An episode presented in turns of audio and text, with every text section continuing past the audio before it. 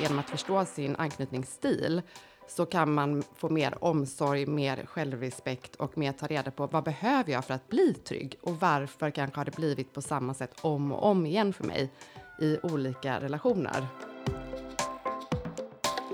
Vårt nervsystem påverkas ju, våra hormoner påverkas, alltså allting påverkas ju när vi är i relation till andra människor. Eh, jag tycker jättemycket om det här um, citatet om att så här, vi föds i relationer, vi triggas i relationer och vi läks i relationer. Mm. Uh, för det är ju verkligen så som vi sa i början, så här, vi kan ju inte välja att inte ha relationer. Det går ju, det går ju inte. Varför har jag varit kanske en ganska knepig person i relationer många gånger? Ja, men det är ju för att jag känt mig så otrygg. Men också att kunna förstå att så här, det, det, jag hade ju liksom inga andra verktyg just då. Vi är tillbaka, äntligen. Va? Det blev ett långt jullov. Välkommen tillbaka. Tack. Det var skönt. Vi behövde en liten paus. Vi behövde verkligen det. Det tar väldigt mycket energi att starta en podd, ska alla veta. Och då behöver man ibland en paus. livet ja. tar också mycket ja, energi. livet tar energi, covid tar energi. Ja, ja, det är mycket som tar energi. Och då får man, alla ska vara snälla mot sig själva, tycker jag. Ja. Men nu har vi stökat undan det. Nu har vi stökat undan det och nu är vi redo för avsnitt nummer fem av Alltid undrat. Fantastiskt. Det är så himla härligt. Och det är, vad som är ännu härligare är att vi ska prata om ett av mina eh, favoämnen just nu. Någonting som på riktigt fick min hjärna att explodera, nämligen anknytningsteorier, eh, anknytningsmönster, anknytningstyper, anknytnings, anknytningsstilar tillsammans med Josefin Kollberg som är samtalsterapeut, yogalärare och all over badass. Eh, hon kan sin skit och hon kommer och reder ut de här begreppen. Har ni undrat varför inga av era relationer funkar? med era partners, med era kompisar, med era föräldrar? Ja, vad vet jag. Det finns eh, nycklar till att förstå det. Och det kan vara så att anknytnings, eh, de anknytningsmönster ni har är en eh, en del i alltihopa? Ja, precis. Att det, att det liksom är eh, ledtrådar till hur man kan förhålla sig till andra människor. Svin, svin spännande ämne. Jag hade aldrig hört talas om det här, aldrig någonsin. Nej, jag och jag vet. tänkte, och jag såg på det med ett visst ett visst mått av skepsis ska jag ja, säga. Men, ja, lite som jag, du gör med alla ämnen. Lite ja, som jag gör med allting. Men, eh, men jag måste säga att det var otroligt intressant att lyssna på vad hon säger och det också gör det, li, det gör lite ont när man inser att det faktiskt ligger ganska mycket i det. Eh, ja. Och helt klart en nyckel är om man håller på om man har skav i relationer så ska man ju absolut, ja. det här ska man ju titta först skulle jag säga. Ja precis, och om man finner sig i samma position hela tiden. Eller att det bara, saker upprepar sig. Ja. Åh nej, nu står jag här igen. Ja, och det är stökigt. Det ganska, Ja, men precis. Och då finns det ganska mycket att äh, lära sig från det här avsnittet. Jag hoppas verkligen att folk plockar upp eh, de här äh, grejerna. För det blir, det blir lite lättare att förstå sig själv och andra faktiskt, när man gör det.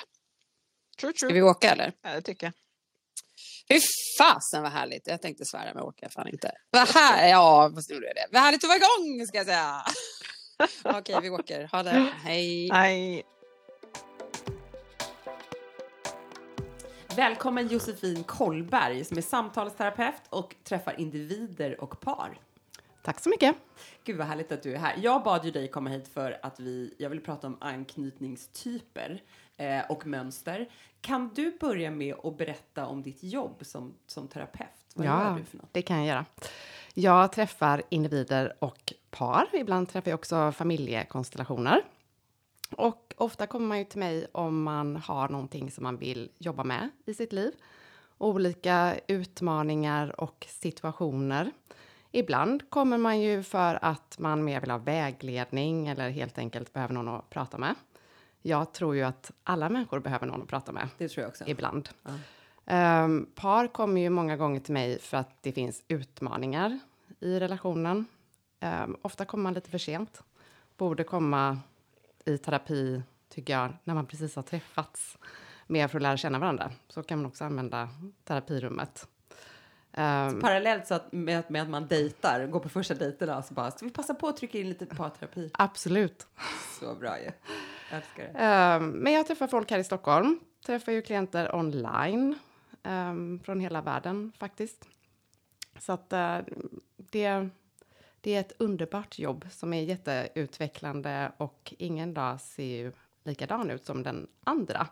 Och vad det har lärt mig är ju framför allt att vi människor är så unika, men vi är också så lika varandra. Det är, ju, det är skrämmande och skönt att höra på något sätt samtidigt. Eh, vad, jag är ju eh, så himla... Jag har nördat ner och kan inte så mycket än. Men jag började läsa om anknytningstyper, mm. som sagt. Kan inte du berätta om vad det är för något till att börja med? Jo, och jag kommer ihåg när du frågade mig om vi skulle prata om det här, så sa jag till dig anknytning är allt. Ah. Och anknytning kanske inte riktigt är allt, vi kommer in på det sen, men anknytning är mycket i alla fall. Mm. Uh, men anknytning och hur vi knyter an till andra, det är ju det som talar om för oss hur vi behåller närhet i relationer och hur vi blir trygga med andra människor. Så att det är hur vi tar oss fram i vårt liv, både i relationen till oss själva egentligen, men också i relationen till andra. Och vårt anknytningsmönster, det formas ju när vi är små. Och sen när vi är vuxna så brukar man prata om anknytningsstilar. Okej, mm. okej. Mm. Okej, men då är det väl kanske där vi ska börja med vad, på vilket sätt formas det när vi, när vi är små då? Jo, men det lilla barnet, ofta liksom i den preverbala fasen, lär ju sig att behålla trygghet och närhet närhet till sin omvårdnadsperson. I de flesta fall är ju det våra föräldrar. Eh, men det behöver inte alltid vara våra föräldrar. Det beror ju på hur vår uppväxt ser ut. Och genom att läsa av vår förälder, kan man säga, så lär vi oss hur vi skapar trygghet och närhet till den personen som står oss närmast. Mm. Per ren automatik, alltså från att vi föds liksom. Hur ja, vi, precis. vad vi får för energi från våra föräldrar och hur de mår och sådär. Ja. ja, men anknytning har ju inte bara, och det är jätteviktigt att säga tycker jag, för att många gånger när man pratar om anknytning så kan det också lätt bli att man faller in i att ens barndom kanske inte var bra eller har jag inte varit bra som förälder? Förstår ni? Att ja. det handlar ju aldrig om att bli skuldbeläggande på något sätt, utan att det handlar om att försöka förstå sig själv och försöka förstå sig själv i relationer. Och min utgångspunkt är alltid att de flesta människor, de som är föräldrar, gör också så gott de kan. Men sen kan ju situationer och mönster uppstå i alla fall kan man ju säga. Mm, okay. um, ehm, så att, och det är ju också så här att vår barndom är jätteviktig, alltså relationen till våra föräldrar. Men vi har ju också en personlighet som vi föds med. Alltså vi har en sårbarhet. Mm. Så att två personer som är uppvuxna i samma familj kan ju utveckla olika anknytningsmönster. Ja. Och sen så går vi i skolan. Där formar vi andra relationer. Vi är också uppvuxna i ett samhälle. Alltså jag tänker vilket samhälle, vilken kultur vi har i samhället där vi växer upp kommer ju också påverka vårt anknytningsmönster. Så att familjen, jätteviktig, ja. Men det är viktigt att komma ihåg att det finns ju andra faktorer runt omkring också som spelar roll. Och nu när vi går in i det här, för det här, mm. jag vill ju dyk, djupdyka i så mycket av det du har sagt, men eh, visst går det också att påverka de här sakerna? Vi kan absolut jobba med och påverka vårt anknytningsmönster eller vår anknytningsstil då. Mm. Men sen så kan vi också prata om, är det ett självändamål att bli trygg?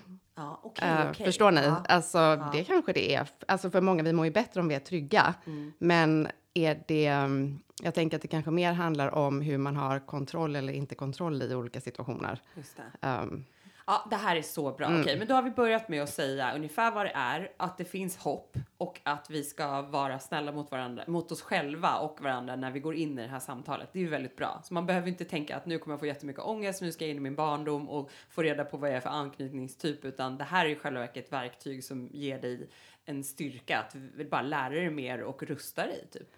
Ja, precis. Alltså jag tänker, ni hade ju så himla fint avsnitt om högkänslighet och jag tänker så här, precis som att genom att kanske förstå sin högkänslighet så kan man förstå sig själva, själv bättre. Det är samma sak med anknytning tycker jag, att genom att förstå sin anknytningsstil så kan man få mer omsorg, mer självrespekt och mer ta reda på vad behöver jag för att bli trygg och varför kanske har det blivit på samma sätt om och om igen för mig i olika relationer. Uh, och då kan man ju också jobba på ett annat sätt med sig själv. Så att många gånger är det ju så att genom att ta reda på lite mer om sin anknytningsstil, redan där tycker jag att vi också kan börja liksom, en läkningsprocess på något sätt för att bli mer trygga. Jag tycker också att det är skönt att höra att, det, att du säger på en gång att det behöver inte betyda att man har haft dåliga föräldrar. För jag tror att det är en sån där sak som många hör och så på en gång så kommer hela den här skam och skuldväggen upp som gör att man inte tar till sig ny information.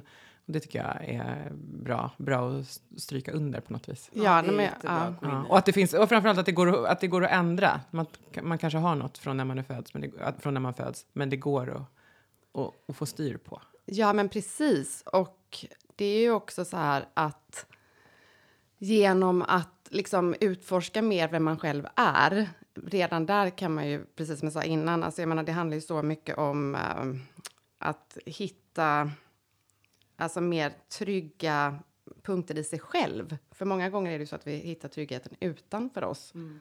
Um, och genom att bli tryggare i sin anknytning så kan vi också få en annan relation till oss själva och våga lita mer till oss själva ju. Ja, just det. Trygga mm. eh, punkter utanför, typ så här jobb, att vi identifierar oss kanske med jobb eller familj eller med saker man gör till exempel då. Precis. Eh, och istället mm. att vända inåt och se att så här, allting finns där. Precis. Mm.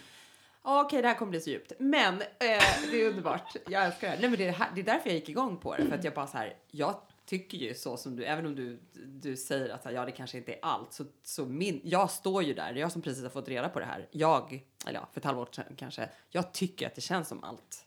Alltså att få reda på den här stilen och också kunna förhålla sig till andra människor och se, alltså, ah, jag ser det här mönstret hos den här personen. Kanske finns det ett inslag av den här anknytningstypen. Då får man ju mer empati för den personen och känner sig mindre hotad.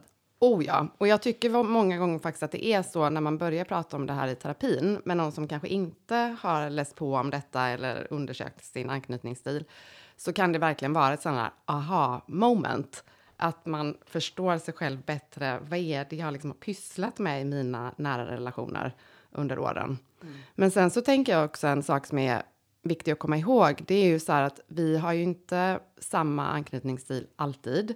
Många gånger har vi ju en stil som är vår eh, dominerande stil kan man säga. Men vi har ju olika stilar också beroende på situationer, beroende på vem vi är med. Och det är ju inte heller så att vårt anknytningsalarm piper ständigt, utan det är ju främst i nära relationer som vår anknytningsstil visar sig. Ah. Alltså det är många gånger så säger ju folk så här, jag förstår inte varför jag är som mest orolig och rädd i den här relationen. För jag är ju inte rädd när jag pratar med någon inne på ICA, förstår ni? Ja. Eller någon precis jag har träffat. Men det är ju för att ju närmare vi kommer varandra, desto mer har vi också förlorat. Ah. Och det är ju då vår anknytningsalarm eh, liksom, kickar igång. För att alarmet kickar ju igång när vi är rädda och när vi är trängda. När vi känner oss trygga, då behöver ju egentligen inte vårt anknytningsalarm vara aktiverat. Nej, okej. Okay. Alltså jag får såna rysningar av det här. För det här påminner mig om att jag är ett djur och vi alla mm. är djur. Alltså precis, precis som på samma sätt som en hund reagerar. Man lär sig, man kan lite grann om hur hundar reagerar. Ja, men vi, är, vi reagerar också baserat på vårat, eh, vad vår kropp ger oss för signaler i olika tillfällen och sådär. Ja, och det är ju roligt att du säger det, för att det här är ju verkligen rakt nedstigande led från Darwin. Ja. Alltså att jag tänker att uh, John Bowlby som började forska på det här runt andra världskriget, um, det var ju från början, alltså det är en uh, teori som kommer från utvecklingspsykologin. Ni vet, på samma sätt som vi behöver mat, vi behöver vatten, så behöver vi också närhet från flocken. Så att djur har ju också en anknytning.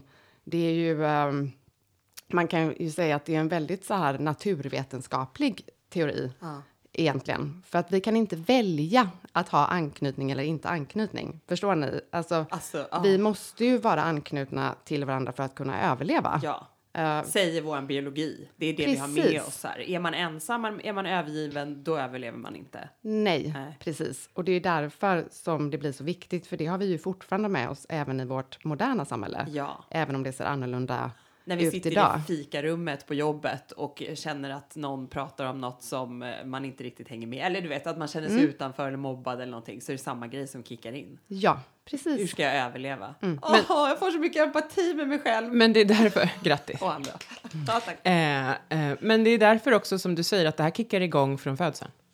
För att ja. vi har det här inbyggt innan vi ens kan tänka, eller kommer ihåg att vi tänker, eller kommer ihåg att vi känner. Så det här känns det som att det går ovanpå allting annat. För till ja. och med spädbarnet kollar det här. Man kan ju säga att det egentligen, och nu är jag lite ute på hal is kanske beroende på vad forskningen säger, men man kan ju egentligen säga att det kickar igång innan vi föds. För att vi kommer ju också påverkas av hur vår mamma mår mm. eller hur våra föräldrars relation är när vi ligger i magen. Ja. För jag menar, bebisen känner ju av hur föräldern har det. Ja, precis. Uh, det känns alltså, inte så farfetched faktiskt. Nej. Det känns ganska naturligt. Uh, och jag menar redan som väldigt små så tonar vi ju in våra föräldrar. Uh. Alltså att vi lär ju oss jättetidigt. Uh. Alltså vad är det som funkar i den här situationen? Är det bättre att jag skruvar, det här brukar jag prata mycket om med mina klienter. Uh, har man lärt sig att skruva upp termostaten för att få kontakt? Vi kommer komma in på vilka stilar det finns sen. Har jag lärt mig att skruva ner termostaten för att då tycker liksom min omvårdnadsperson att jag är mer behaglig ja, att vara det, med. Just det. För barnet, det här har jag läst någonstans och det, när jag läste det så brast mitt hjärta. Men barn gör väl, och du får bekräfta eller mm. dementera, men barn gör väl i, i valet mellan att, att ge upp sig själva och sina egna behov och anpassa sig efter någon annans så anpassar man sig efter någon annan. Alltså man lägger undan sina egna, vi som människor lägger undan våra egna behov till förmån för att bli vald av omvårdnadspersonen. Ja, typ precis. Alltså ja. Vi gör ju egentligen allt när vi är små ja. och väldigt mycket som vuxna också för att få trygghet, för att få vara nära. Ja. Och precis som jag sa innan, för att annars överlever vi ju inte. Nej. Så att, um... Alltså när jag tänker på det det är, jag blir så svag. Alltså. Ja, det är lite fan. svagt, men jag tänker samtidigt att kunskap är makt. Ja, absolut. Och, men, mm. men um, ja. Vill ni att vi ska prata lite om ja, de olika anknytningsstilarna? Jag, bara, jag, bara, jag var tvungen ja. att säga, hela mitt liv gick i revy.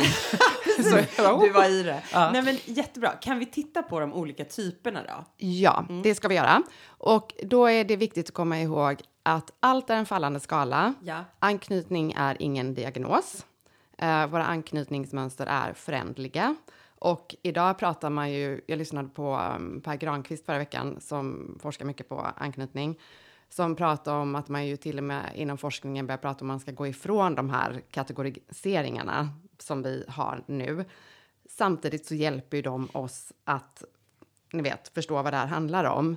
Men att det är inte så svartvitt ja. som vi alltid tror. Nej, och vi alla kanske mer snarare är på den här skalan någonstans när ja. det kommer till anknytning. Ja, för du sa ju också det att olika situationer, man kanske har en dominerande typ då, möjligtvis, men att olika situationer eh, väcker olika anknytningsmönster hos en. Precis. Ja, Okej, okay. ja, ja. det är bra att ha med oss nu då när vi cementera de här olika typerna. Precis, så att nu kommer vi ändå cementera dem ja, uh, för att också göra det lite enklare för oss själva. Ja. Och jag menar när jag pratar med klienter i rummet, då är det ju också utifrån de här olika stilarna. Mm.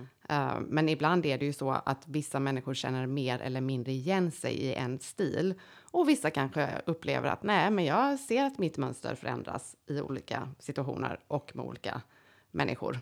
Och vi kan ju ha en stil till um, ja, till, till en vän kanske och sen har vi en annan, ett annat mönster i våra romantiska relationer. Ah, okay. Så att det kan ju också variera på det sättet. Ja, okej. Okay. Så yes. vilka är de olika typerna? Ja, för det första kan man ju faktiskt vara tryggt anknuten.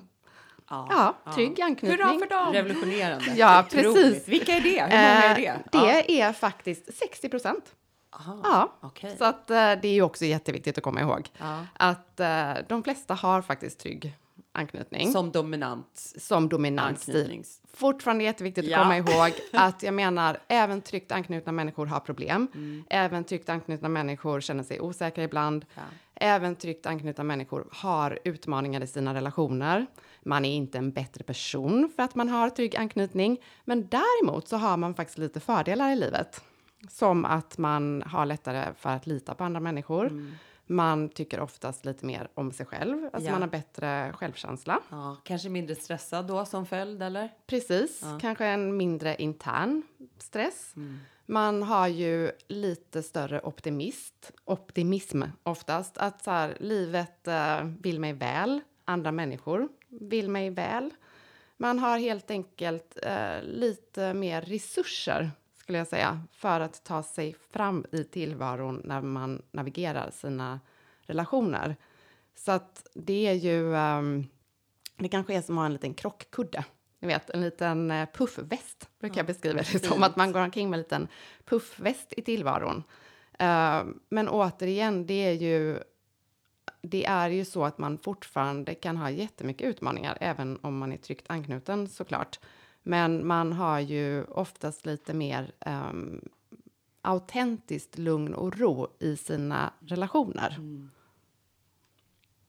Jag sitter och, och avundas. Kan man vara tryggt anknuten, kan man vara tryggt anknuten och konflikträdd på samma gång?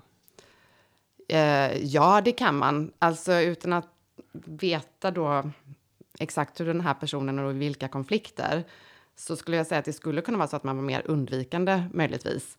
Men man kan absolut vara tryggt anknuten och vara konflikträdd. Men däremot så skulle jag väl säga att en tryggt anknuten i konflikter skulle reagera lite mer som att en konflikt är inte så farlig. Jag har en tro på att konflikter kan lösas. Eftersom att jag tror att du vill mig väl så försöker jag inte undvika konflikten. Men jag söker ju inte heller konflikten. Förstår du? Ja, jag förstår. Okay. Mm. Mm. Så man hanterar den, man, precis, ja jag fattar. Att en konflikt är inte hela, det är inte hela världen. Nej. För att jag har ju en tilltro till att du och jag kommer reda ut den. Mm. Man brukar ju prata om att vi har som inre arbetsmodeller av världen. Alltså att det är ju vår anknytning också. Alltså vilken arbetsmodell och hur mentaliserar jag världen runt omkring mig? Ja. Uh, och då kan man ju säga att den tryggt anknutna har ju en arbetsmodell att andra vill mig väl och jag vill andra väl. Jag brukar förenkla det för klienterna så brukar jag säga att så här, den tryggt anknutna, jag är okej okay, och vet du, du är också okej. Okay. Uh, vi är okej okay båda två. Även uh, fast vi inte är överens om just precis. den här grejen i konflikten? Ja. Okay. Så att det är inte så att vi inte behöver ha en konflikt. Men däremot så kommer vi förmodligen lösa den. Mm. För vi båda två har då en tilltro till att uh, vi kan lösa den. Mm. Ja, spännande. Då, det är den trygga typen. Ja, eh. um, så ungefär 50-60 procent. Mm. Nu har jag hört på senaste tiden att man tror ju att um, fler och fler blir otrygga. Uh, det kan vi prata lite om sen. Varför? Okay. Um, förmodligen skulle jag säga, nu gissar jag lite, spekulerar lite, att vi lever ju i ett samhälle faktiskt uh, som på något sätt generellt upplever jag går mer och mer mot undvikande. Att vi är ju mer och mer på våra telefoner, vi kanske träffas mindre i verkligheten. Okay. Uh, och bara det kommer ju förmodligen göra att vi faktiskt blir lite mer uh, undvikande. För att vi har mindre kontakt? Varandra. Ja, precis. Ja. Och vad är den otrygga eh, anknytningstypen? Då? Ja, då finns det två olika otrygga anknytningsstilar som fortfarande är organiserade. Och med det menas ju alltså den tryggt anknutna, den otryggt undvikande och den otryggt ambivalenta. Alla de stilarna är ju organiserade. Okay. Och vad jag menar med det är ju att vi har ju ett mönster som går att förutse mm. och ett mönster som upprepas. Vi kommer ändå kunna känna igen oss själva och hur vi agerar. Mm. Och sen så finns det en fjärde stil som är um, desorganiserad. Aha, okay. uh, då har man inte någon organiserad anknytning. Jag återkommer till den. Ja, okay. Ska vi prata lite om otryggt undvikande? Ja. Ja, jag försöker hålla alla de här i huvudet. Det går inte, ja, så att jag hänger bara med. Ja, det blir. Eh, många mm. ord nu. Mm. Men otryggt undvikande, då är vi ju um, lite mer nedtonade, kan vi säga. Mm. Uh, vi har vridit ner vår termostat. Vi kan vara väldigt oroliga inombords, men vi visar inte det för omvärlden så mycket. Utan vi försöker ofta lösa saker själva. Vi kan tycka att det är jobbigt att be om hjälp. Vi eh, är oftast ganska självkritiska mot oss, men vi kan också låta ganska kritiska mot andra människor. Mm. Samtidigt som vi då eh, har en tendens i relationer att vilja ha lugn och ro. Vi vill inte att det ska vara så mycket konflikter. Eh, många gånger så upplever vi att andra människor blir eh, påträngande samtidigt som vi kan uppleva att det är svårt att få kontakt med andra människor för att vi faktiskt kanske inte släpper ifrån oss tillräckligt mycket för att få kontakt eh, med andra. Och nu påminner jag igen då att nu generaliserar jag jättemycket. Såklart. Såklart. Eh, och vi, det kan ju vara så att vi är uppvuxen i ett hem där eh, det har varit väldigt mycket lugn och ro, men det kanske inte har varit så mycket kontakt heller. Man kanske har blivit nedtonad när man har uttryckt behov och känslor. Och därför har vi förstått att men här är det bäst att jag klarar mig själv. Här är det bäst att jag eh, liksom behåller det här status quo av lugn och ro som råder i familjen. Det kan ju också ha varit så att vi är uppvuxna i en familj med eh, hög konfliktnivå och eh, mycket bråk och sådär. Men att vi har blivit den smidiga då som visar att jag klarar mig själv. Och om jag liksom eh, navigerar här lite på egen hand så liksom är jag större, ni vet, bidrag i familjen på något sätt. För då är i alla fall inte jag till besvär. Okej. Um, Mm. och ja, Ja, men alltså det, det här är, okej, så det här är otrygg, undvikande. Det är ju, precis, man, man, eh, det, det finns två, det finns flera anledningar till, ledningar till att det kan vara så här alltså. Precis som du just sa att, ja men antingen så har man då kanske, eh, jag upprepar för att min hjärna ska Ja, förstå. Bra. så har man liksom eh, kl- klivit undan det här kaoset som kanske har varit. Eller så har det varit lugnt men man har inte fått kanske det, det emotionella närvaron som, som den, man som individ hade behövt. precis. Eh, ja, okej. Ja, för att jag menar, det kan ju varit så att man kanske faktiskt inte har några exempel alls av att vuxna haft konflikter heller som har blivit lösta. Förstår ni? Utan Man nej. kanske inte man har sett. se det. Nej. Och man kanske inte heller har testat så mycket gränser med sina föräldrar, förstår ni, som ändå är en del av vår utveckling ju. Så man kanske inte riktigt har testat hur det blir om vi har en konflikt, utan då kanske känslan blir att om vi ehm, har svårigheter, då skulle vi inte kunna lösa dem på något vis. Och då är det bättre att jag försöker undvika, då är det bättre att jag försöker gå härifrån, både mentalt och ehm, fysiskt. Och då kommer vi många gånger förmodligen uppleva andra människor som lite invaderade, invaderande. Att de är där och krafsar lite för mycket ehm, i Vi oss. känner inte igen det. Vi har inte fått lära Nej, oss det. precis. Och har ingen referens kring det från våran barndom. Ja, Ja. men det kan ju också vara så att eh, många gånger så kan ju den undvikande, i alla fall i relation till en början, eh, verka vara ganska trygg. Eftersom att man ju utåt sett håller en ganska, vad man ska säga, liksom Ja. cool. Förstår ni? Man ganska- tar inte så mycket plats. Nej, man är ganska cool. Mm. Um, och jag tänker att vi sen också ska komma in mer, tycker jag, på hur det här påverkar i olika relationer. Alltså när vi Ja. träffar varandra um, och sådär. Bra. Jag tycker också att Mm. det är intressant att det, eh, nu blir det här så, det finns ett värde i det här ordet, men jag vill att, det, att jag ska eh, avladda det, men Mm. jag säger mognad. Just att om man inte vet något annat, men sen när man kommer ut i världen så ser man ju att så här, aha, det kan vara på de här sätten, och så lär man sig det, eller hur? Ja, men precis. Och eh, man kan ju också säga att den som är undvikande, nu generaliserar jag jättemycket, man hamnar lite mer i tanken och lite mindre i känslan. Ah. Man eh, försöker mer ofta gå till logik för att hitta svar på olika saker. Och kan ju då tycka det är jobbigt när andra människor kommer som en känslostorm. Ehm, samtidigt som man ju då faktiskt inombords själv många gånger har ett orosraster. Men vi vet inte riktigt hur vi ska visa det för andra. Nej. Och vi kanske inte heller vet att det finns där. Alltså, vi kanske inte heller kan sätta ord på det. Väl? Nej, precis. Jättevanligt. Så att det, det, det rör sig där inne, men man förstår inte ens. Man kan, man kan inte ta på det. Nej, precis. Och då kan det ju ge en upplevelse av i relationer att om jag håller dig lite lätt på avstånd så är det lite skönare för mig här borta. För du kan ju inte heller riktigt komma åt mig då ju. Nej. Och hur ser det ut i en relation när man håller någon på avstånd? Ja, men dels kan det ju vara att man kanske inte är så intonad på en annan persons känslor och behov eller att man upplever att det blir liksom lite jobbigt när någon kommer med känslor och behov. Och nej, ska vi prata nu igen? Nej, men det vill jag inte riktigt. Ja. Eller tycker att den personen känner så mycket kanske. Ja, precis. Man eh, kanske går därifrån i konflikter. Ja, igen, både mentalt och fysiskt. Det kanske är så att det är situationer som inte riktigt blir utredda för att det känns för jobbigt. Och många gånger kan det då bli att den andra personen får en upplevelse av att jag känner inte dig riktigt. Mm. Förstår du? Att jag upplever det här avståndet på något sätt. Att inte bli insläppt på ja. livet, eh, in på livet. Ja. ja. Så att det som är utmaningen för den undvikande brukar ju vara att hur kan jag våga bli mer sårbar? Hur kan jag våga mig, luta mig in till dig? Hur kan jag våga avslöja lite mer om mig själv och fortfarande lita på att du tycker om mig och stanna kvar? Ah. Mm. Oh, det är så mm. fint och så mm. stukat. Och det är viktigt att bli eh, omtyckt så att den andra personen stannar kvar så att man fortfarande får vara del av en flock. För att om man inte är med i en flock så blir man ensam och dör. Så ja. grunden är dödsångest. Ja. Ja, så kan vi säga. Ja. Mm. Så döds... No, men... Undermedvetet i alla fall. Ja, men, det, det.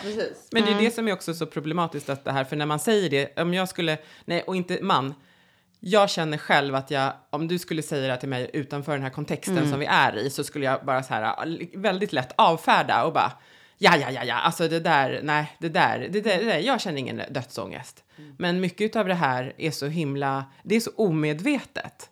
Eh, ja. Så för mig, jag får typ gåshud av det här även fast jag mm. i grunden är en djup skeptiker till allt mm. som, är, som har med världen som att är, göra. Som har med flum att göra.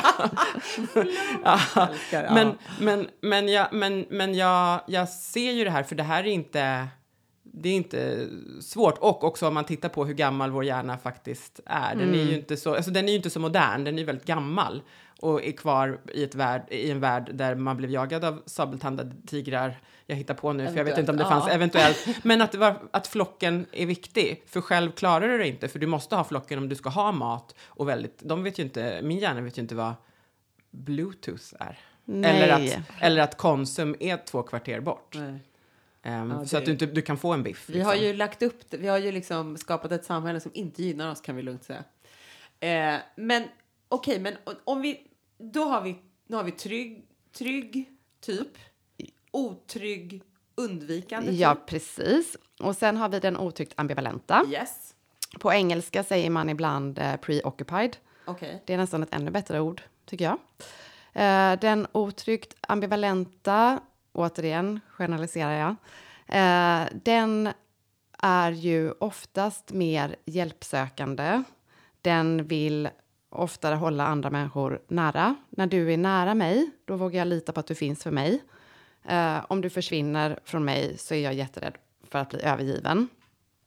Jag eh, har ju oftast, oftare svårare att härbärgera mina känslor. Alltså om jag har mycket ångest så kommer ni märka det på mig. Uh, jag gör ju vad jag kan för att behålla närheten i relationen. Alltså på samma sätt som den undvikande gör allt de kan för att behålla relationen genom att tona ner sig själv så kan det ju bli så att den ambivalenta skruvar upp termostaten för att behålla närheten i relationen. Det kan ju vara så att jag har fått som mest omvårdnad av min förälder om jag verkligen har visat att jag behöver dem. Ah. Att istället för att sköta mig själv så visar jag att jag behöver verkligen dig. Jag vill verkligen att du ska vara nära mig. Uh, så att precis som den undvikande så um, handlar det ju också många gånger om att min självkänsla sviktar. Men i det här fallet att jag tror att jag inte kommer klara mig själv. Uh, vi är ju väldigt ofta självkritiska. Uh, och kan ju däremot känna att eh, får ofta en tanke om att andra människor tycker inte om mig. Förstår ni? Ni två är helt okej, okay, men jag blir jätteosäker på om ni tycker om mig. Mm. Så att jag eh, går och söker er bekräftelse. Och jag kan ju då snarare bli den mer invaderade typen. För då kanske jag har ett behov av att fråga er gång på gång. Tycker ni verkligen om mig? Svarar ni an till mig? Man vill att andra människor ska svara an. Jag vill liksom ha ett tecken på att jag är värdefull för er. Och det kan ju vara så i romantiska relationer att jag eh, till och med kan starta konflikter och bråk för att det kan ju kännas då är vi i alla fall i kontakt. Förstår ni? Det här mm. tycker jag att jag ser ganska ofta. Um, vi ska ju prata mer om det sen, alltså när två personer möts. Men att det, det är i alla fall bättre om vi nästan är liksom lite i luven på varandra, för då liksom svarar du ju ändå an till mig, än om du bara liksom håller mig på avstånd. Uh, och samtidigt så är jag jätterädd för att du inte ska tycka om mig. Um, den ambivalenta, många gånger i början av en relation, verkar ju väldigt öppen och autentisk och som att jag har väldigt lätt att knyta an. För att man delar ju ofta med sig väldigt mycket av sig själv. Uh, och det kan ju till en början verka väldigt um, som att man är modig snarare. Mm. Ju. Fast man kanske använder det här omedvetet igen som ett sätt att liksom få dig på kroken, så att säga. Mm. Okej. Ja, nej men jag tycker, jag tycker, eh, för det som jag tycker är så intressant med det här och som gör det så komplext är att mycket av det du pratar om är ju, tror jag, hos de flesta, gissar jag, omedvetet. För den här mekanismen som du, som du eh, precis beskriver, som du säger att man är öppen eh, i en relation eh, och börjar eh, liksom visa att ja, men det kan uppfattas som modig och sen så vänder det där på något vis. Och jag, jag, det där är ju ett mönster som är så svårt och du har ju verkligen satt det i ord på ett bra sätt, men jag kan tänka mig, jag känner igen det där från när människor berättar om sina relationer. Um, och då blir det, det är väldigt svårt att komma till botten med om man inte har några som helst verktyg eller, eller förstår eller kunskap att det ja. finns. Ja, och där, för det um, tänker jag ganska ofta på. Alltså så här, gud vad jag önskar att någon hade förklarat det här för mig när jag var ung. Mm. Uh, för jag har ju um, jag är ju själv ambivalent då. Ja. Du sa nämligen vi, så ja, jag tänkte ja, okej. Okay. Ja. uh, och det är kanske också faktiskt viktigt att komma ihåg när man lyssnar på den här podden, att när jag beskriver den undvikande, då är det ju utifrån, utifrån en ambivalent perspektiv. persons uh, perspektiv. Sen så kan man väl säga att jag har mm, ju blivit tryggare och tryggare med åren. Man brukar ju säga att man uh, har förvärvad anknytning om man blir trygg som vuxen. Men det är ju fortfarande så att jag absolut tillhör liksom den ambivalenta gruppen, um, skulle jag säga. Mm. Men, och sen är det ju så här, i början när vi träffas i relationer, då är det ju så att vår anknytning faktiskt många gånger inte kickar in. För att vi, våran kropp är så full av kärlekshormon, det är så mycket kemi och den cocktailen, den slår liksom ut allting annat. Så att det är ju när den cocktailen börjar fejda bort det är ju då våra anknytningsstilar i relationen blir mer um, uppenbar. Okay. Förstår ni vad jag menar då? Mm, mm. Uh, och man brukar ju säga att i en relation så är vi vår anknytningsperson till varandra efter två år ungefär. Ah, mm. ja! Förlåt, mm, ser, du ett, ser du ett mönster då? Att du vet, man har haft en honeymoon period och sen efter några år, det är då problemen och utmaningarna börjar och man bara fattar inte den här människan som man bara har varit så otroligt kär i och inte sett några fel i och så börjar det bli problem. Ja, jättemycket så. För att det är ju först då som vi börjar kanske visa vem vi verkligen egentligen äh, är. Förstår ni? Ja, För att det är ju då det, äh, det är ju då det här börjar kicka in.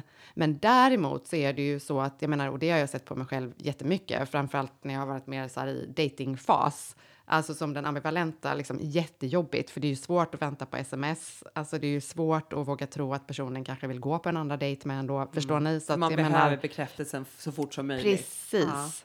Ja. Um, för att det har ju funnits i alla fall för mig, en liksom bristande tilltro till att den andra personen vill vara med mig. Mm. Och då kanske jag har agerat, förstår ni, på ett sätt som har gjort att personen faktiskt har försvunnit. Ja. För att jag har blivit för på och blivit för krävande redan liksom i inledningen av relationen. Ja, och då okay. har den andra personen... Varit för nidig och liksom. Ja, precis. Mm. Och, och, den personen då har haft det motsatta behovet kanske. Så den kanske är då eh, otryggt undvikande och känner sig kvävd av den där att bli överöst av alla de där känslorna. Precis, och det skulle man ju också kunna tänka sig att även den trygga personen hade kunnat känna att liksom, ja. det här är lite too uh, much. Too much. Okay. Och det här, det här, gäller ju också, jag tänker på en gång att man, det är så rätt vi pratar om relationer eh, med liksom en potentiell kärlekspartner, men gäller inte det här alla relationer? Jo, alltså det gäller ju alla relationer som vi har nära oss, kan vi mm. säga. Alltså, för det gäller ju inte då om du och jag bara träffas som idag. Nu har vi har ju inte den typen av relation. Um, så att det gäller ju alla relationer som vi vill behålla. Alla relationer som är eh, nära oss mm. på något vis. Mm. Så att jag tycker ju också att ibland är det ju så att personer kommer och har jättemycket utmaningar i sina romantiska relationer, men har kanske väldigt trygga vänskapsrelationer. Och ibland kommer ju människor och faktiskt har en liksom, trygg anknytning i sin romantiska relation, men däremot har mycket utmaningar i vänskapsrelationer. Så att det är ju inte bara i romantiska relationer som det tar sig uttryck, men många gånger är det ju i romantiska relationer som det märks eh, tydligast. Och sen så kan man ju också säga att, och det här har jag absolut ingen statistik på, men det är ju många gånger mer eh, uppenbart problematiskt för den ambivalenta personen att vara singel till exempel. För att man vill ju så gärna vara nära någon annan och man känner ju att man behöver den här närheten och den här bekräftelsen. Mm. Medan i alla fall i tanken för den undvikande personen, då kan det ju nästan vara ganska skönt att inte ha en relation. För då kommer du inte heller uppleva att någon kommer nära dig och ställer några krav. Förstår ni vad jag menar? Ah, uh, då. För det tycker jag mig ibland se att om man har en person då som har en mer undvikande anknytningsstil och så kommer den i terapin, då kan man ju prata om att egentligen de senaste åren har jag haft det som mest lugnt och skönt när jag inte haft en relation. Eh, då har jag tyckt att mitt liv har funkat ganska bra. Mm. Och den ambivalenta många gånger känner att mitt liv har inte alls varit bra när jag har varit singel. Det har varit jättejobbigt att mm, dejta och så. Så att eh, det kommer ju spela roll även där såklart. Och när vi har... Ja. Fråga som uppstod. Ja. Vi har en Kom. sista typ så vi inte kommer för Nej, jag vet. Nej. Kom ihåg vad du ska ja. säga. Nej, men jag tänkte på det att du sa att man kan ha olika anknytningsmönster i olika relationer. Ja. Men vad, är det, vad utgår man ifrån? Utgår man alltid från sin grundanknytningstyp? Eller förstår du som du sa att så här, man kan ha du kan vara på ett sätt i en kärleksrelation men mm. inte ha samma utmaningar för att du har en annan anknytningstyp när du när man pratar om andra nära relationer. Du vill ha ramar. Om du, om du, ramar. Jag, jag må, alltså. Nej, men, igen, men igen då så kan man ju säga att så här, ja, men vi har ju en dominerande stil oftast. Förstår ni? Alltså vi har en stil som dominerar. Ja. Men sen kan det ju vara så, vi säger att du har uh, råkat hamna eller lyckats, eller hur man nu ska beskriva det, uh, ha vänskapsrelationer med personer som bara är trygga. Det kommer ju också smitta av sig och göra att du blir tryggare Uh, eller så är det så att du har träffat en partner när du är väldigt ung till exempel kanske, som var trygg, som gör att du har blivit trygg med den personen, men du fortfarande har kvar de här utmaningarna i dina vänskapsrelationer, för där kanske du har hamnat i andra eh, grupperingar. Det är liksom hur många parametrar som helst. Ja, och den fjärde och sista typen är då alltså? Det är desorganiserad anknytning. Och jag tänker att det pratar vi lite kortare om. Det är ännu mer komplicerat. Och det kan vara ännu mer känsligt att prata om, tänker jag. Uh, när vi har desorganiserad anknytning så betyder det att vi inte riktigt har någon anknytningsstil. Förstår ni? Vi har inte hittat det här sättet att skapa en upplevd känsla av kontroll i våra relationer. Många gånger då så är det så här, igen att jag målar med väldigt breda penseldrag. Ehm, det kan ha varit så att vi under vår uppväxt har ehm, varit rädd för vår omvårdnadsperson. Alltså att den personen som vi har fått mest trygghet och närhet av har vi inte heller litat på. Så det kan ju vara en uppväxt där det har funnits våld. Det kan ju ha varit en uppväxt där det har funnits eh, psykisk misshandel. Vi har helt enkelt inte lärt oss att eh, skapa nära band, för vi har inte haft någon person som vi har kunnat um, lita på. Nej. Och det är ju då klart att om vi tar med oss det här in i vuxenlivet, om vi inte har fått hjälp på vägen, så kan det ju bli ganska knepigt och komplicerat i våra relationer. Och det är ju också därför man säger att, den, um, att det inte är en organiserad anknytningsstil. För det går ju inte riktigt att förutsäga våra mönster och det går inte riktigt att förutsäga um, vårt agerande. Okay. Mm. Ja, Men jag tänker att det kanske är den stilen som vi på något sätt... Jag tycker inte vi ska gå in på den så mycket idag, för att dels så är det mycket svårare utifrån ett forskningsperspektiv att säga hur många egentligen som har det här anknytningsmönstret. Och sen så är det ju så många parametrar på något sätt som spelar in varför man uh, har en desorganiserad anknytning. Ah, Man kan ju ha varit okej. med om trauma utanför familjen och så, självklart uh, också. Är det så att den är minst vanlig eller eh, kan man säga det? Nej, men det är ju svårare på något sätt att ge, ni vet, en procent hur många då som skulle vara det här, för att det blir ju inte samma svar när man, eh, förstår ni, på svår att pinpointa anknytningsstilar. överhuvudtaget. Ja. Det är det ju. För det är ju så här att när man undersöker anknytning, alltså när vi undersöker det på barn, då är det ju genom observation. Uh, främmande situationen, det är ju en situation som har använts mycket genom åren ehm, i forskning. Det var en kvinna som heter Mary Ainsworth som jobbade med John Bowlby eh, som kikade på barns anknytning genom någonting som kallas för främmande situationen. Och då gjorde man ju observationer som bestod av att föräldern och en annan person var i ett rum med barnet och sen går föräldern ut. Och sen kikar man på hur barnet reagerar då utifrån eh, anknytningsmönster. Och så läser man ju då av barnets eh, anknytningsmönster helt Okej, enkelt. ja. Men i vuxen ålder så är det ju så när man undersöker anknytning att det är ju genom självskattning. Förstår ni? Så att man får ju fram sin anknytningsstil genom de här självskattningstesterna som folk kan göra och genom intervjuer. Men det blir ju då svårare om en person inte riktigt har ett tydligt mönster. Förstår ni Ja, vad jag är ute efter Ja, då? Så det är också viktigt att komma ihåg att när man tittar på de här ehm, olika grupperna så kommer det ju alltid finnas alltså ett visst mått av vilka glasögon man har på sig när man själv gör det här testet. Ja, okej. Alltså hur liksom, autentisk och ärlig är jag när jag fyller i frågorna till exempel. Det är alltid ett filter. Det är alltid ett filter. Ja, precis. Eh, nu blir man ju så sugen på att göra ett sånt här test. Vi måste, finns det något sånt test som vi ja, kan jag kan till kanske? skicka det Ja. till er sen. Gud vad bra. Okej, men då har vi egentligen gått igenom alla typer. Då, då är man ju så, då är, jag är så nyfiken på hur de samspelar med varandra. Hur vi samspelar med Ja, varandra. precis. Jo, men eh, ganska ofta så är det ju så att en trygg person träffar en trygg. Ja, Eh, för det känns ju tryggt och bra. ja. Förstår ni? Smidigt. så smidigt. Eh, lucky them. Ja. Eh, och det brukar De ju- kanske inte kommer till dig.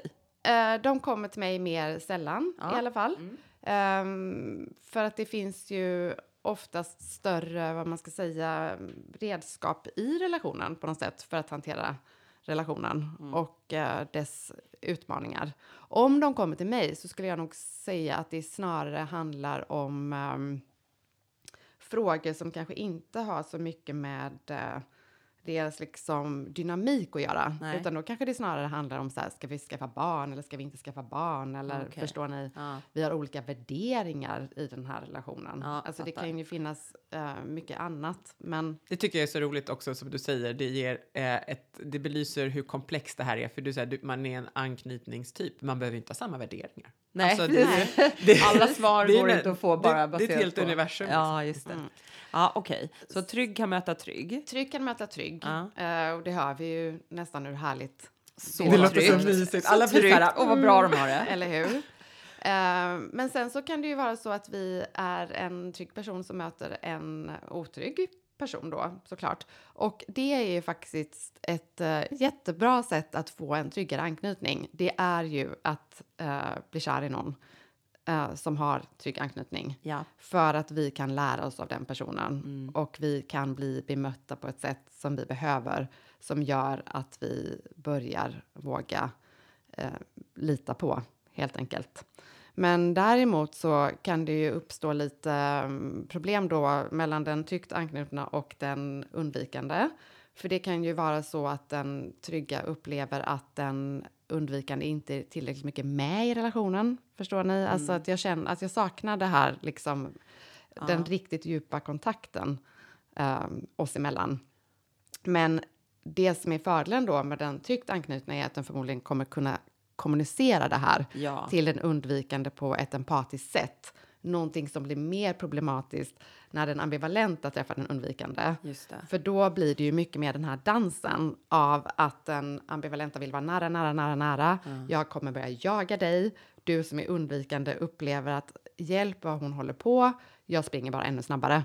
Alltså det blir, jag brukar oftast rita upp i liksom, terapirummet mellan den ambivalenta och den undvikande. Mm. Alltså antingen blir det som ett dans eller ett gummiband, förstår ni, som dras ut och in. Ja. Eller att det ger en känsla av att den ambivalenta liksom jagar fysiskt efter ja. den undvikande. Det, som, som, liksom, springer snabbare som springer snabbare och snabbare, ja. och snabbare, och snabbare.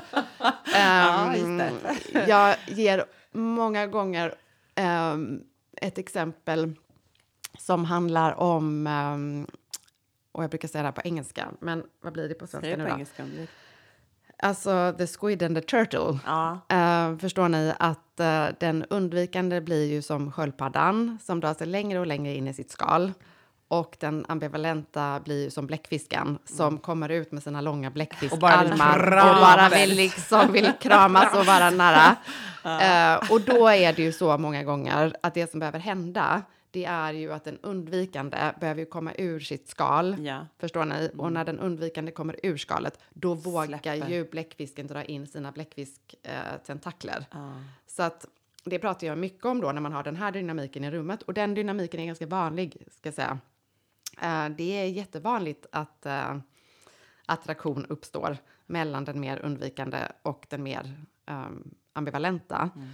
Att den undvikande behöver ju öva på att luta sig fram i relationen, alltså luta sig in, vara med i relationen. Och den ambivalenta behöver öva sig på att luta sig lite tillbaka. Ja. Alltså om jag lutar mig lite tillbaka så kommer jag få mer. Ja. Alltså, och lita på att relationen finns kvar. Ja, ja. Lita... Även fast man släpper greppet typ. Precis, du finns okay. kvar för mig. Jag behöver öva på liksom, att kunna mentalisera mm. att så här, du finns här för mig även när du inte är med mig. Alltså du kommer svara an även om jag inte pockar på. Mm. För att den Uh, ambivalenta kan ju bli pockande. Alltså ja. förstår ni, liksom lite klängig och lite krafsande. Sådär, för att ja. jag vill så gärna att du ska svara an till mig. Uh, och den egentligen undvikande måste ju också, det kanske du sa, men återigen, jag repeterar för mitt mm. eget huvud, att den undvikande då behöver eh, förstå att det är tryggt att luta in. Ja, det är inte det farligt att luta in. Det är okej, okay, liksom. Ja, du, du, du, kan hänge dig lite grann. Precis, och jag ja. kommer tycka om dig även om du visar mig vem du är. Ja, precis. Jag kanske till och med lite... kommer tycka om dig ännu mer. Ja. Um, Båda två måste göra det som de tycker är svårt egentligen. Precis, och så är det. Alltså när vi, när vi pratar om det här hur man kan få mer trygg anknytning. Alltså man behöver ju gå emot sitt anknytningsmönster. Alltså man behöver ja. ju våga stanna kvar i det som är obehagligt. Mm. Uh, för att se om det liksom funkar att testa en ny strategi. Så, så är det verkligen. Sitta lite i känslorna. Ja. Det är typ det svåraste ju. Och sen, mm. jag ska bara ta de två. Ja. Sen ibland uh, kommer ju två ambivalenta förstår ni, ja. bli ett par. Ja, det blir festligt. Uh, bara, hur blir det? Jag bara sett två bläckfiskar. ja, det kan bli, uh, det kan bli väldigt intens. Mm. Uh, många Kontrollerande, gång... eller? Ja, både, ja, det kan det absolut bli. Mm. Dels ju att det då är två personer som verkligen vill att den andra ska svara an. Det kan ju bli eh, ganska mycket konflikter för att bägge två kanske har svårt att härbärgera sina känslor. Förstår ni? Så det kan gå livat till. Ja. Men däremot det ju så att det är mycket kontakt. Ja. de, två, de två emellan. Ja, två iglar som sitter fast på varandra. Precis. Ja. Um, Förlåt, jag dömer ingen. Det är bara intressant Nej, att se. Jag bara får så otroligt mycket bilder i huvudet just nu. Jag med. och sen så, um, så kan ju två undvikande mötas. Ja. Uh, där blir ju många gånger utmaningen uh, kontakten. Uh. jätte... Eller jättevanligt är det väl inte, men det kan ju bli så att vi har faktiskt nästan inga konflikter alls. Men vi kanske inte heller har så mycket kontakt. Nej. Um, förstår ni? Så vi lever parallellt men utan egentligen att vara tillsammans Ja, nästan, och alltså. vi kanske kan leva tillsammans ganska länge och tycka att det är liksom tuffa på. Och vi kan ju många gånger dela mycket saker i livet och vi kanske delar mycket praktiskt i livet. Men det kanske är först när en då känner att så här, nej, alltså jag vill verkligen ha mer som det blir ett problem. Mm. Förstår ni? För att det, mm. det är ju oftast den typen av kombination som ändå blir minst problematiskt på något sätt till ja, en början i alla ja. fall. För att det går inte riktigt att ta på. För det är bara samma existens? Ja, det går inte riktigt Ingen att ta på. Inte lika explosiv kanske? Nej, precis. Och det är ju den... Um, de kommer ju minst i terapin. Uh, ja, just det. För att jag menar, det är ju när den trygga är ihop med någon av de här med den ambivalenta eller den undvikande, då kan ju den trygga vara så pass liksom, mogen i sig själv att den är så men jag tror att vi kanske behöver lite stöd och hjälp i det här. Jag menar, om man är, mer, om man är två som är mer undvikande och tycker det är jobbigt att be om hjälp, då tar man ju till mycket mindre hjälp generellt av andra personer. Förstår ni? Ja. Och det kanske är de som vi minst gissar till exempel skulle separera om man har några vänner runt omkring sig för att nej men de har ju aldrig bråkat. Nej. Och det är just det som är problemet. De har aldrig bråkat. Nej, kanske. precis. Så att där, för där finns det ju en för stor rädsla för att om vi utmanar relationen då kommer den inte hålla. Nej, just det. Um, så att det Åh. så, När de så, kommer så till kan dig, det bli för dem. när, det, när de kommer till dig, skulle du säga att det, det är den, när de två typerna kommer till dig eh, tillsammans, har det gått längst tid då? Ja, det skulle jag säga. Absolut. Ehm, och det är... Där handlar det ju väldigt mycket om, eh, för mig i alla fall, just att prata om det här med sårbarhet och prata om att det inte är... ehm, alltså, det inte är farligt att visa känslor och att det inte är en svaghet att behöva andra människor. Nej, och att just det. det, mm, det kan hända så mycket fint i våra relationer om vi vågar knyta an. Mm. Um, och när det, oavsett egentligen om det kommer en person i egen terapi eller eh, tillsammans med sin partner, och med den ambivalenta så handlar det ju mycket om att här, stärka den här känslan av att jag klarar mig själv. Jag eh, kan ta mig an och gå ut i livet liksom ha en, förmå- liksom en tilltro till min egen förmåga att det här kommer fixa sig. Ja. Och även om jag lutar mig lite tillbaka så kommer andra människor finnas där för mig. Så egentligen självkänsla Ja, och självuppskattning, självmedkänsla, hela, den, hela det paketet. ja, alltså i resan, om vi kallar den för det, att trygga sin anknytning så är det ju um, jättefint om man kan använda verktyg från um, hela självmedkänsla-skolan för att faktiskt förstå att så här, jag duger, jag duger som jag är. Förstår ni? Och genom det också bli mer trygg i mig själv. Mm. Väldigt grundläggande ju. Eh, på så många sätt. Det, det känns som att allt kokar ner till samma saker på något vis. Det där med självkänsla och, och ja. Ja, och det är det som är lite så här, faktiskt alltså anknytning är ju också lite, lite orättvist. Förstår ni? För att vi, eftersom vi har ju fått med oss lite mer resurser då om vi är trygga. Och om vi är trygga så har vi ju många gånger också till, liksom större tilltro till oss själva. Och då har vi lättare att arbeta upp en bättre självkänsla. Till skillnad då från om vi är mer otrygga, då är det ju någonting som vi aktivt mer behöver jobba med.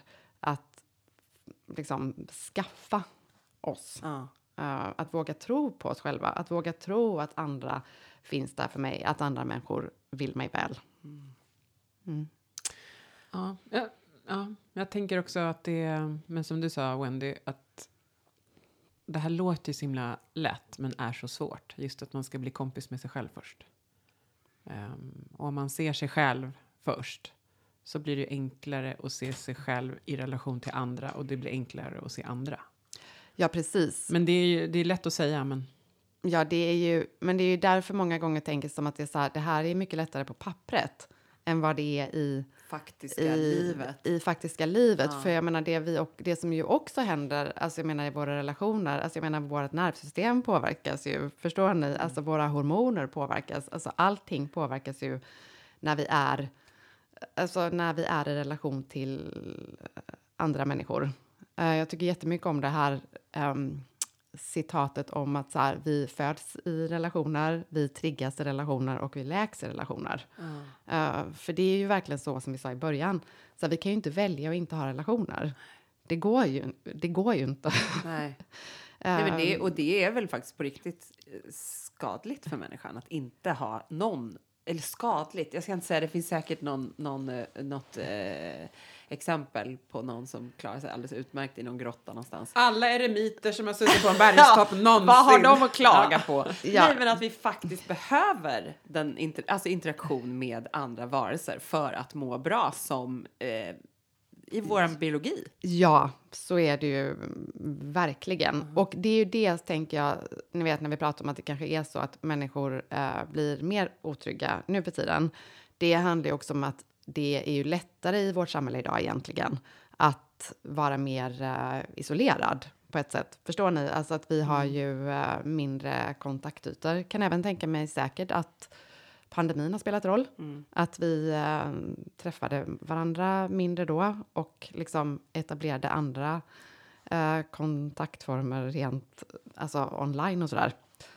snarare än att ses i verkliga livet. Men sen så kanske det är den där eh, syntetiska eh, sociala kontakten, om man får kalla den för det, i form av sociala medier och den skärmen på olika sätt. Mm. Den gör väl kanske att man tror att man tillgodoser det där behovet, men det går inte in i kroppen på det samma sätt som faktiskt sociala relationer gör. Det tror jag ligger jättemycket i det. Ja. Att vi tror att vi har kontakt med andra. När precis, för man vi, ser dem på ja, Instagram precis. eller på vad precis. det är. Men vi får ju inte alltså det här utbytet som du och jag får nu när vi sitter och pratar med varandra, tittar varandra i ögonen. Ja, men ni vet allt det där. Mm. Um, men, att, ja. Ja. Bara det här med oxytocin. Precis. Som man, och det, nu säger inte jag att alla att alla ska gå och ta på varandra hela tiden. det finns problem men, med det också. Men, ja, men jag tänker just i, i eh, en nära relation där man har en taktil beröring. Att det är liksom, vi har glömt bort att det faktiskt är viktigt det gör vi inte bara för att någon vill ta på någon annan utan att det är faktiskt, jag tror, det är, det är ju det är ett system, oxytocin har vi ju för, det kallas ju må bra-hormon. Absolut. Och det är ju faktiskt Så. ett sätt också när man försöker trygga sin egen anknytning. Alltså det är ju sådana saker som, alltså till exempel att klappa på sig själv snällt, det är ju ett sätt att bli tryggare. Alltså att lära sig andas från magen istället för att andas från bröstkorgen. Jag pratar om andning här också. Mm. Alltså jag menar alla de små delarna tillsammans med att öva på nya mönster i relationen, det är ju också det som skapar en tryggare anknytning. Ja. Alltså att kunna lugna ner sig själv. För att anknyt... Och visst är det oxytocin frigörs av taktil beröring, jag var bara tydlig. För det, ja, mm. och det är ju så att anknytning handlar ju jättemycket om hur söker jag trygghet, men också hur vågar jag utforska? Alltså det är ju de två som håller på eh, med varandra. Alltså när jag är trygg, då vågar jag också utforska. Förstår ni? Mm. Uh, då vågar jag ge mig ut i världen. Jag behöver min trygga bas och därifrån så utforskar jag. Uh. Och det gäller allting, alltså så här, hur man bara, vad man vågar göra i sitt liv, vad man tar för beslut, vad man ger sig in i och så menar du?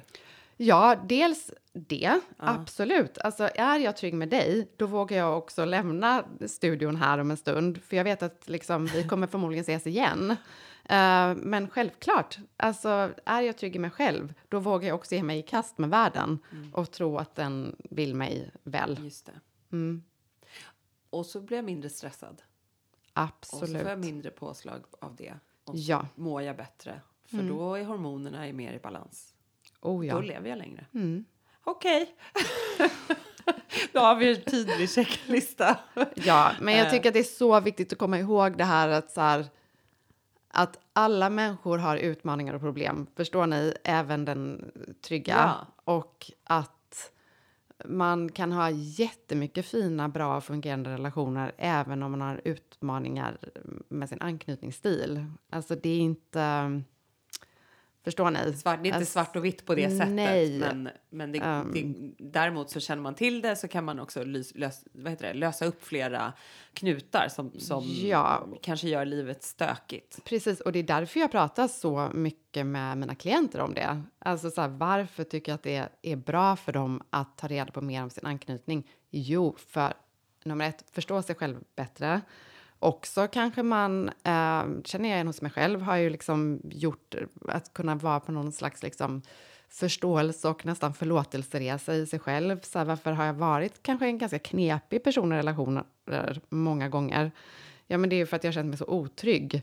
Men också att kunna förstå att så här, det, det, jag hade ju liksom inga andra verktyg just då. Och genom det också kunna utveckla en trygghet liksom, som äldre. Så att det är ju många gånger därför det är så fint i terapi när man börjar förstå liksom, aha, det är därför det har blivit så här för mig. Det är därför det har blivit så för mig så många relationer, kanske. Det är så fint. Jag mm. älskar den där grejen att ju äldre man blir, så har det varit för mig i alla fall, att lära sig eh, varför eh, man har varit på ett visst sätt och då få empati för sig själv. Gud vad Ja. det ligger mycket Mm. i den eh, det jobbet Ja. som görs. Mm. Sen kan det ta sån tid och sen så kommer det upp nya situationer som man tänker bara så här, men snälla, den där, den där gamla skåpmaten liksom, ska jag hantera det också? Men det blir också lättare och lättare ju mer man ser tillbaka, eller ju mer verktyg man får, så blir alla de där äh, skamsköljningarna eller de där grejerna som man kanske kommer ihåg från saker som man kanske inte har varit, när man inte har varit sitt bästa jag. Det blir lättare att hantera. Det är så fint tycker jag. Ja, det skapar ju medkänsla för oss själva och för andra. Ja. För det är ju också det faktiskt när man går i parterapi, just att så den, man kan få så mycket mer medkänsla för sin partner, för man kan plötsligt börja förstå vad som händer med den personen och dess inre när vi hamnar i utmanande situationer. Just det här att det är ju främst när vi är stressade och pressade, det är ju då som liksom alarmet börjar ringa. Det är ju Ja. inte när vi känner oss lugna och trygga eh, och sitter här och dricker en kopp te tillsammans. Nej, precis. Jag tycker att det är så skönt att använda på när jag inte kan greppa världen. Jag, jag får ju sån grov ångest av att titta på nyheterna. Det får väl de allra flesta.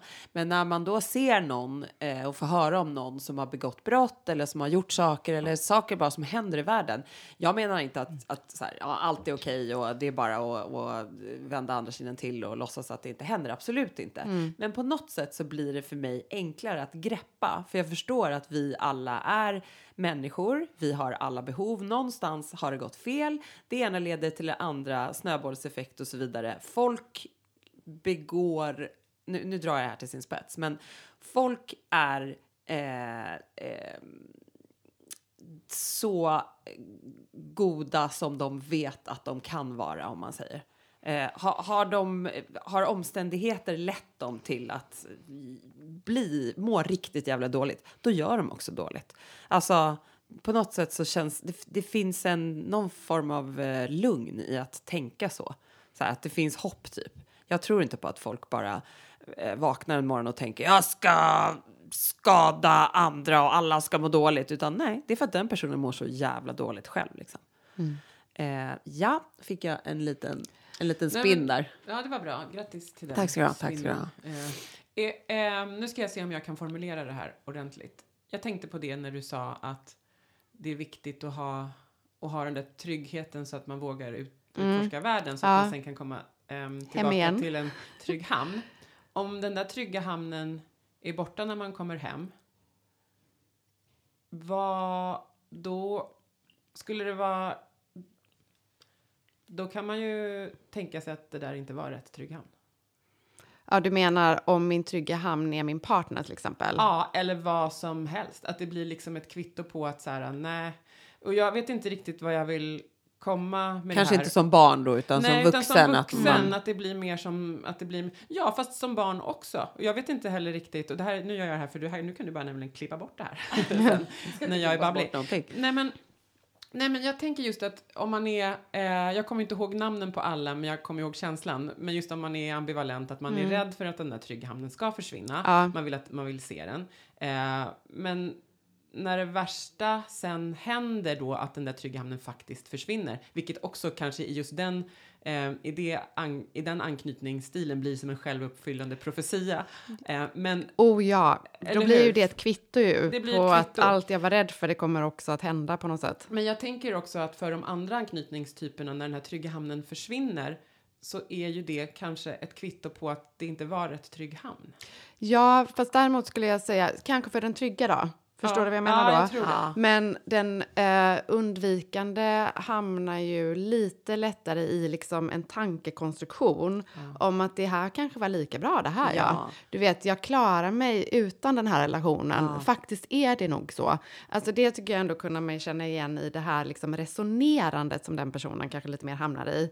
Att Man ser en logisk lösning Ja, på men allt. precis. Nej, men vi säger att eh, vi, nu bara vi hittar vi på någonting. Ja. Vi hittar på att vi hade varit väldigt nära varandra vi tre och så hade ni ställt in det här med mig och så hade jag varit mer undvikande. Då hade jag ju mer kunnat hamna i så här, ja men det var väl lika bra att det inte blev något och nej men jag har nog inte velat vara med dem i alla fall och eh, jag tror att jag klarar mig bättre utan dem. Alltså att man kan gå ganska snabbt till logiska Så förklaringar. att man sätter så här, tröst och plåster på sig själv. Precis. Som en försvarsmekanism. Då, ja, men då försöker man ju lugna sig själv i stunden eh, genom det. Och i det fallet hade ju förmodligen då eh, den ambivalenta mer tänkt vad har jag gjort för fel? Ja, ja. Var det någonting jag sa när jag pratade med dem? Eh, gått väldigt snabbt till självkritik. Medan den trygga personen kanske då mer hade tänkt men det kanske inte var ett sammanhang för mig. Eh, precis som att det här kanske inte var ett relation för mig heller. Alltså vad kan jag ta med mig från relation? Man kan ju vara heartbroken ändå såklart, till exempel om en relation tar slut. Men så här, att på sikt kunna se, men vad tar jag med mig från den här relationen? Varför blev det så här? Nej, det kanske inte var så att vi två skulle vara tillsammans. Vad ska man göra då för att förändra sin eh, anknytningstyp? Ja, om man vill eh, försöka jobba mot att få en mer trygg anknytning. Eh, det första tipset då, det skulle ju vara att omge sig med trygga personer för att faktiskt kunna se att eh, folk finns här för mig lite oavsett hur mycket jag visar av mig själv eller hur lite jag visar av mig själv. Um, så att försöka söka upp andra trygga människor som man då kan lära sig att våga lita på. Eh, sen så tycker jag, men nu är jag ju terapeut så det är klart att jag kommer ge det här svaret, men att gå i terapi, alltså det är guld för att eh, jobba med sin anknytning. För att då kan man ju också av sin terapeut få lika delar utmaning och lika delar trygghet. Ja, okej. Alltså att den terapeutiska relationen också kan bli ett sätt att liksom börja jobba på sitt anknytningsmönster. Att man vet att terapeuten finns kvar där bara vecka efter vecka. Bara det kan ju vara ett sätt att bli mer trygg om man går till en terapeut som det funkar med då. Um, såklart, men också för att man i terapin ju har en möjlighet att prata om hur man hade det under sin uppväxt och börja förstå sig själv lite bättre. Mm. Men det finns ju jättemycket man kan göra på egen hand också. Jag tycker att allting som handlar om att jobba med medkänsla och självmedkänsla, det kommer ju också göra oss tryggare och det kommer också göra att vi är snällare mot oss själva när vi ju vågar testa nya grejer. För det är ju också det som gör att vi kan gå emot att bli mer trygga. Att jag vågar utmana mina egna mönster. Jag vågar gå emot det som mitt inre kanske just nu då falskt talar om för mig att jag ska göra. Alltså nu ska jag göra tvärtom mot det som jag instinktivt känner att jag vill göra. Alltså om jag instinktivt vill dra mig undan, då kanske jag ska våga stanna kvar. Om jag instinktivt vill tränga mig på, då behöver jag ju lära mig att backa lite grann. Det är ju precis som när man pratar om ångest ju, att så här, ju mer jag undviker min ångest, desto starkare blir den det. i det långa loppet. Så att det handlar ju också om att liksom med varsam hand börja utmana sig själv att våga testa nytt. Jag skulle säga att någonting som jag har använt mig mycket av själv de senaste åren, det är att jag tänker, och det kan man ju göra om man lär sig lite om anknytning då, hur skulle den trygga personen agerat? Ah, Och så försöker jag agera så. ah. För att även om det kanske inte är alls så som det känns i mig de första tio gångerna så kan det ju vara så efter 32 gånger så kanske det känns lite bättre. Förstår ni? Alltså hur hade den trygga personen agerat i det här? Att få en modell för hur en gör. Precis. Och sen tänka på det vi pratade om innan i stunden. Jobba med sin andning. Alltså att faktiskt hitta verktyg för att lugna ner sig själv. Eh, alltså att så här, vad är jag trygg i min kropp? Eh, att använda det som ett redskap för att bli lugnade just i de här, kanske inte för mönstret som helhet i det långa loppet, men ni vet i stunden när jag känner mig väldigt eh, fight, flight, freeze mode. Och sen också det här med beröring, alltså egenberöring, att kunna lugna sig själv i pressade och stressade situationer. Ja. Det är ju väldigt basala behov som behöver tillgodoses i de där uh, upphettade situationerna. Men då, det är ju svårt också om man inte har det med sig såklart. Men... Ja, precis. Och om vi mer ser anknytningen i relationen, hur vi kan jobba med den. Alltså om vi är två personer och vi där vill jobba med vårt anknytningsmönster, mm. Så, eller vår anknytningsstil, då tänker jag att då är det ju jättebra att på något sätt liksom hjälpa varandra att öva på det här med att liksom luta sig in, luta sig lite tillbaka. Alltså om jag är sårbar med dig så visar du mig att du kommer stanna kvar. Mm. Och det kan ju vara så att man som partner kan stötta den andra om man är en, eh, den undvikande personen kanske till exempel behöver väldigt mycket uppmuntran när den visar känslor, när den vågar vara sårbar, att man är liksom lite extra uppmärksam på det och liksom ger lite uppåt puffar. Och på samma sätt att den uh, ambivalenta personen får den där försäkran om att så här, har jag sagt någonting till dig så står jag vid mitt ord. Ja. För att det är ju, nu blir det ett litet sidetrack här, men att den ambivalenta personen klarar absolut av att höra ett nej. Förstår ni? För det är i alla fall ett svar. Ja. Men om jag säger att jag ska göra någonting uh, till den ambivalenta personen och sen så står jag inte fast vid det det blir ju jättesvårt. Ja, okay. För då börjar man ju igen leta efter svar och kanske gå till sig själv att nu var det jag som gjorde någonting mm. och därför blev det fel mellan oss. Mm, okay. mm. Så den personen mår ju bra av tydlighet? Ja, att det jag, det jag säger, så blir det också. På samma sätt ju som när vi är barn så tycker vi ju faktiskt om när våra föräldrar är eh, tydliga och berättar för oss hur världen ligger till. Om jag säger till dig att vi ska göra någonting klockan 11, då gör vi det klockan 11. Alltså, förstår du, jag håller inte på liksom nej, och förhandlar nej. eller liksom ändrar mig hela tiden. Precis. För det i sig skapar ju också en osäkerhet. Mm. Ja, det är så mycket så bra. Tack gud. Vi, vi behöver runda av, men alltså det här är ju livsviktigt. Jag tycker faktiskt att det här är livsviktigt. Mm, det jag tycker jag ju också såklart. Man borde få, får man lära sig det här i skolan? Nej, det får man inte. Vem vet, det kanske de får nu för de tiden. De kanske har det i läroplanen. Ja. Men det är, är så grundläggande. Mm. Och, och, det och, det. inte bara för att förstå sig själv, utan för att förstå andra. För att förstå sig själv, för att förstå andra, för att förstå omvärlden, ja. för att förstå hur vi blir tillsammans med andra ja. och för att kunna tycka om sig själv lite mer. Ja. Oh, tack! Och, ja, och identifiera egna känslor. Ja. ja. Tack oh, så mycket, eh, Josefin, för att du ville komma hit och Tusen berätta tack. om det här.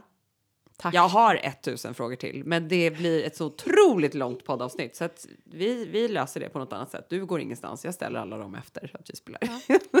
ja, nej, tack, tack så mycket. för att jag fick komma och prata om mitt älsklingsämne. Ja, Stort tack. Underbart. Tack.